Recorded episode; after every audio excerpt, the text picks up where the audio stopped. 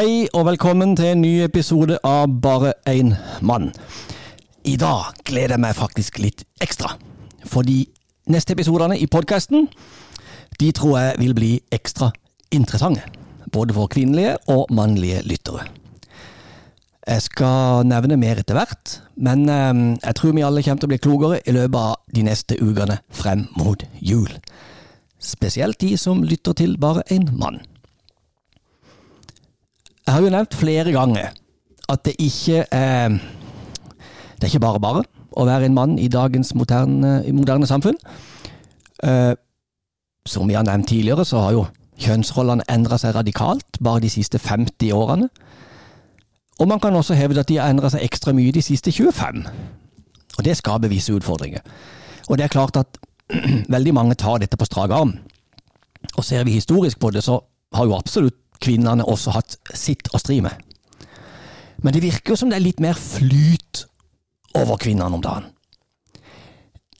Det ble mer og mer likestilling, og selv om det jo er veldig bra, det, så går jo likestilling på bekostning av mannen.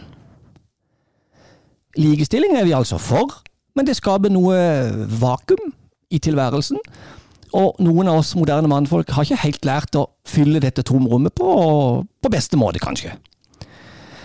Og vi kan jo ikke akkurat sette oss ned og klage heller, for hvem gidder vel å høre på det? Med mindre du starter en podkast, da, for da kan du jo for så vidt klage på alt du vil. Så de neste to-tre episodene, det er litt usikkert eh, hvor mange det blir, skal handle om likestilling, og hvor vi står akkurat nå med tanke på det. Og jeg kan også røpe at vi skal få en skikkelig eh, ekspert inn. Vi skal få skikkelig eksperthjelp inn i neste episode.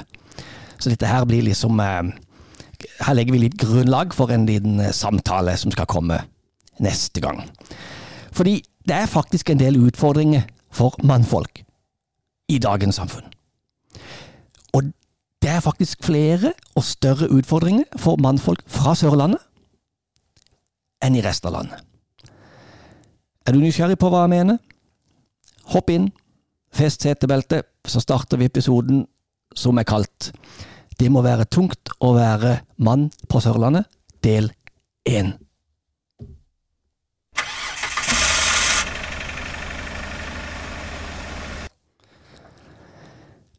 Vi diskuterer jo ofte hvor forferdelig det er for kvinner at likestillinga eh, på Sørlandet er så dårlig. Men vi glemmer hvor tungt det må være for mannen oppi det hele. For er du en mann på Sørlandet, så bør du være skjerpa. Og du må være klar for det ansvarlige voksenlivet fra ganske ung alder. Og mer enn det mange menn i andre landsdeler må være. For kjønnsroller er mer gammeldagse, og likestillinga henger fortsatt etter i denne sørlige landsdelen. Og det er et stort problem for kvinnene i landsdelen, men vi har jo aldri snakka om hvordan det er for menn. For man kan snu det på hodet, og så kan man slå fast at manglende likestilling gjør faktisk mannelivet ganske tøft. Det var en, for litt siden en ny uh, og stor undersøkelse uh, fra Nordea som ble kjent, og den viste at det er hele to av tre menn som er hovedlåntaker på familiens lån. Og det er han som har løpende kontakt med banken. Det er mannen som får oppdateringer og informasjon. Og alle de store norske bankene bekrefter at kvinner ofte er desorientert og kommer både fortvilt og forvirra til banken, først når de lurer på om de skal skille seg. Og ikke minst om de har råd til å skille seg. Denne undersøkelsen eh, fra Nordea den ble diskutert i NRK for et par uker siden. Og der slo Universitetet i Agders fremste likestillingsekspert, eh, professor Mai Linda Magnussen, fast at dette ansvaret som mannen har, det er også en byrde. Og det har hun helt rett i. Og det er litt underlig at denne sida av manglende likestilling ikke diskuteres mer. Fordi det er et problem for kvinner. Det er åpenbart. Altså, hvorfor i all verden risikerer kvinner dette, når vi vet at nesten 40% av norske ekteskap ender med skilsmisse. Og man kan jo undres over at vi nå i 2023 enda ikke har lært av de generasjoner før oss som fortalte oss en viktig ting, nemlig bli økonomisk uavhengig. Sikre det. Å være økonomisk uavhengig, det er lik å være fri. Å kunne bestemme over sitt eget liv. Og det er jo helt Altså, det er jo essensen av hva kvinnekampen handler om, og fremdeles handler om. Å kunne bestemme over eget liv. Og nå er det sånn at skilsmissestatistikken den går ned i Norge. Drøyt 17 000 par tok ut separasjon eller skilsmisse i 2022. Og eh, så lave tall det har vi ikke hatt i Norge siden 80-tallet. I hvert fall eh, ifølge Statistisk sentralbyrå. Og Man trodde jo at tallene ville være helt motsatt. At eh, pandemien og når man skulle være sammen eh, 24-7, at det ville slite familier helt ned. Men pandemien den ble etterfulgt av inflasjon og prisvekst. Og nå har skilsmissestatistikken ikke vært lavere på 36 år. Og Forskere tror at en av årsakene til at skilsmissestatistikken er så lav, den er opplagt. Det er rett og slett det er for dyrt. Og det igjen kan bety at det er mange som føler seg fanga av dårlig økonomi. Og da vi vet at det nok mest handler om kvinner, som mange ganger da havner uforskyldt øh, i knipe, men på en måte ikke. De må bli flinkere til å ta ansvar for økonomien. Sin families økonomi og sin egen økonomi. Så Hvorfor lar kvinner dette fare med en gang de står brud? Er det fordi mannen er mer interessert i økonomi? Er det fordi han kan det bedre? Er det kanskje fordi damene er rett og slett late? Eller vil de heller brette klær og pusse sølv, som ikke krever den samme intellektuelle anstrengelse? For, for mannen så må, må dette være en veldig tung forpliktelse. Og i denne landsdelen, her i sør, mer så enn i andre regioner.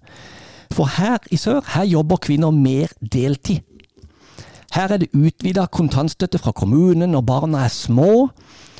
Og det legges eh, godt til rette for jobbavbrudd eller reduserte stillingsprosenter. Lange foreldrepermisjoner og svangerskapspauser som begynner ett år og avsluttes ett, to eller tre år seinere. Kanskje til og med rett før neste fødsel, og så er vi i gang igjen. Og i tillegg så er det her nede i sør kanskje en kultur hvor uh, jenter ikke pålegges samme utdannings- eller karrierepress som andre steder, kanskje? For man, man kan få inntrykk av at i enkelte miljøer på Sørlandet, så er det ikke bare greit at kvinner er hjemme og dyrker familielivet, men at det også oppmuntres til det. Og nesten forventes i perioder. At mamma kan være hjemme og ordne med barn og hus, og, og så kanskje skli over fra gammeldags husmor til en moderne interiørinfluenser. To tilværelser som er til forveksling veldig like. Guttene derimot, guttene må stresse med å utdanne seg, eller sørge for at de får en jobb med solide utsikter. Og det er klart at det er en bør. Det er tungt å være den som hele tida skal løfte familien økonomisk. Og guttene, eller menn, må innstille seg på et langt yrkesliv uten mer pappapause enn det staten tvinger de til å ta. De må også sørge for at de tjener så godt at frua hjemme kan ta romslige timeouts for å finne seg sjøl og være et godt mammahjerte. Og hvis noe rakner et eller annet sted, om utgiftene blir høyere enn inntektene, om dyrtida kveler økonomien, om det går skitt på jobben og, og framtida blir uviss, så er det far som ligger søvnløs og vrir seg, bekymra. Helt alene. Ensom om denne bekymringa. Svett av angst for at namsmannen plutselig skal banke på, og alt skal falle sammen. For det står på han. Økonomien står på han. Og mor er kanskje heller ikke helt informert. Hun svinser rundt i dyrtida og, og klarer ikke helt å ta inn fars angst. Han er alene. Men han kan trøste seg med én ting. at hvis ekteskapet skulle rakne, hvis de har råd til å skille seg, så er det i hvert fall én vinner. Og det er han.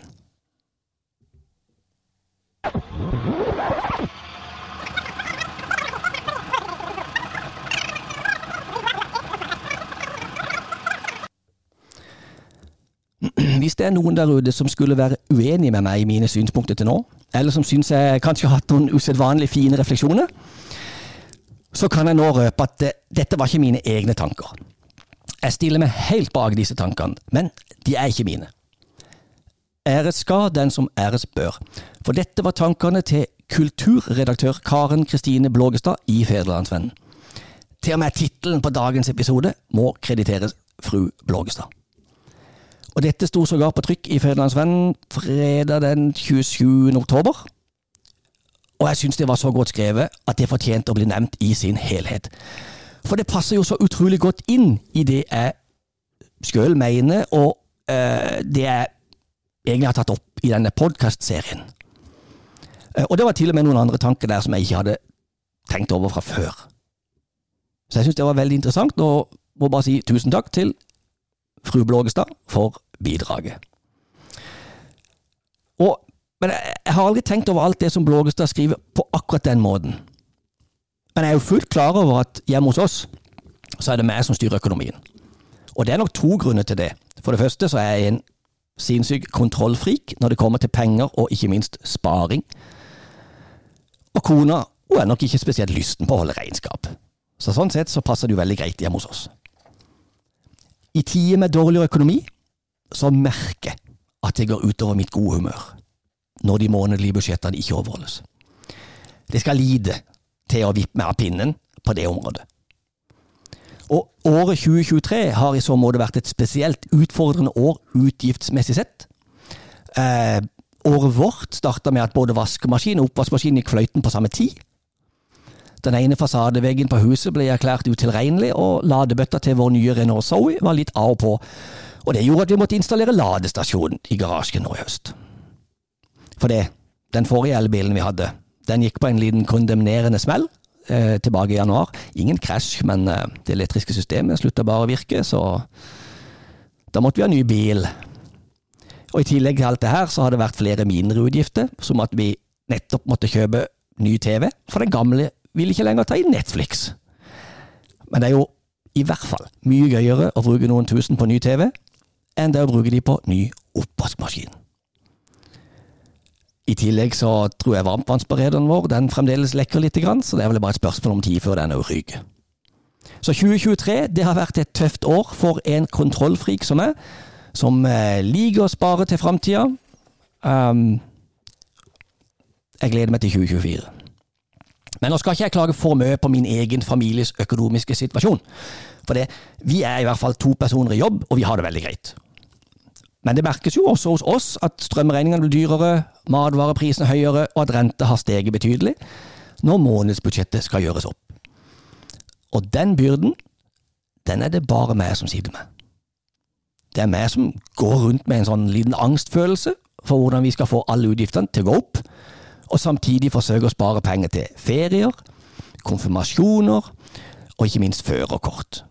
Så akkurat den delen av kommentarartikkelen til Blågestad er jo helt korrekt. Men igjen, jeg skal ikke sammenligne meg sjøl med de menn og de familier som virkelig sliter med økonomien.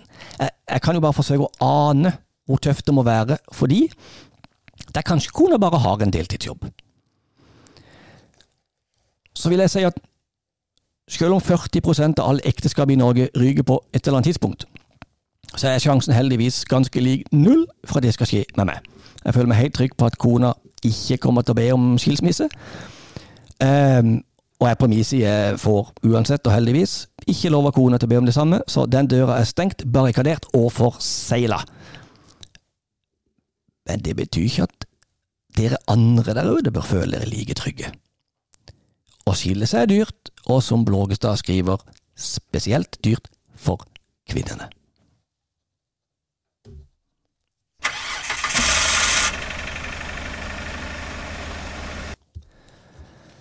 Og da kan jeg jo skilte med enda litt mer viten. Denne gangen fra nettsida forskning.no. For Der er det en annen journalist ved Universitetet i Agder som har bidratt med data og innspill til en artikkel skrevet av en journalist som heter Annelise Stranden. Den går litt i samme gate. Eh, veldig interessant. Hør bare her.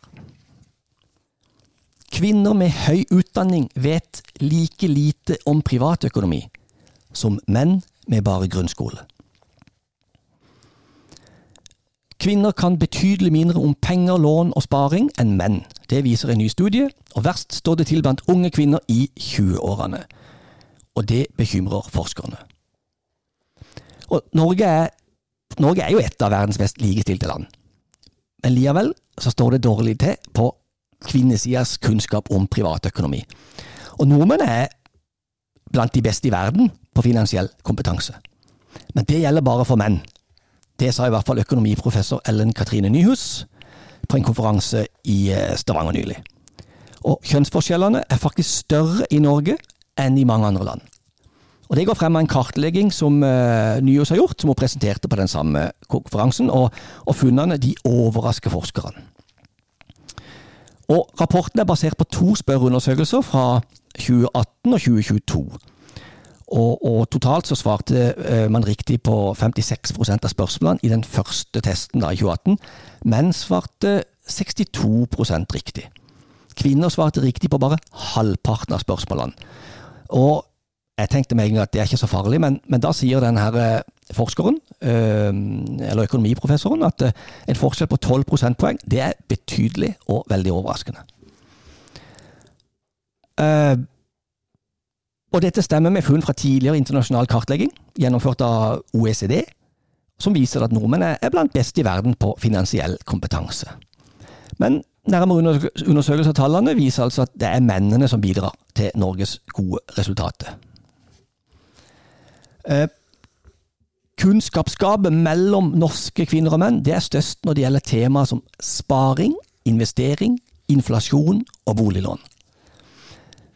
Og det er kun på spørsmål om betaling og bankkonto så svarer kvinner riktig nesten like ofte som menn. Og Undersøkelsen ble gjennomført med et eh, representativt utvalg av den norske befolkning når det gjelder alder, kjønn og region.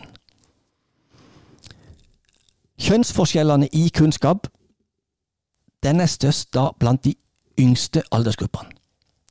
Unge kvinner mellom 18 og 30 år vet minst om penger. Og Kunnskapsnivået det øker med alderen, opp til aldersgruppa 45 til 59 år, som vet mest.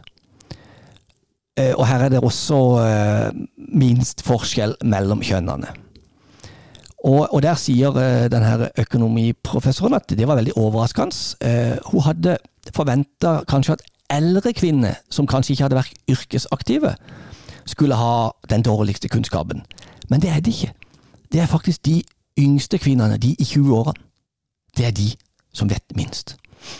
Og det er veldig bekymringsfullt, fordi det er jo de unge voksne som skal ta mange store finansielle beslutninger ganske snart. Og da er det jo en fordel å ha et godt kunnskapsgrunnlag.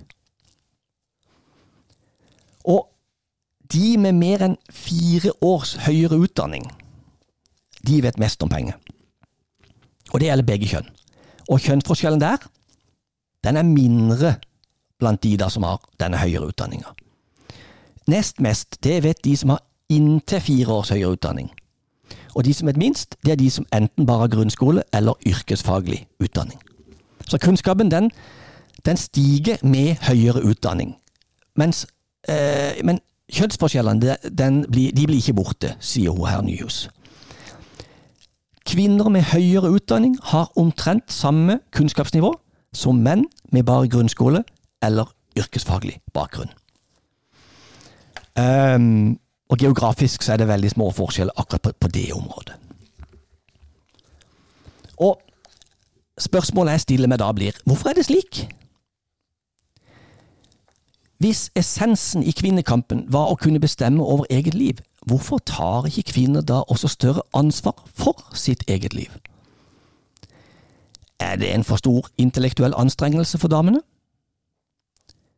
Mener kanskje kvinner at det å styre en privatøkonomi ikke har med likestilling å gjøre? Og når kvinner har vært så opptatt av denne likestillinga, hvorfor har de ikke brydd seg mer om å få sving på sakene da, innen egen privatøkonomi? Disse spørsmålene de skal få lov å henge litt, for de skal vi forsøke å få svar på i neste episode. Som i dag så styrte mannen privatøkonomien også i gamle dager. Men da var det vel også mannen som bestemte at man kunne kjøpe ny vaskemaskin eller uh, ny TV. I dag er det jo kona, min påstand, som bestemmer alt dette. Mannen har fremdeles kontrollen på økonomien, men han har ikke beslutningsrett. Så kan nok mannen få et ord med i laget, det, det gjør han nok alltid. Men jeg tror vi alle vet at hvis konen har lyst på ny vaskemaskin, så er det bare å starte bilen og hekte på tilhengeren med en gang.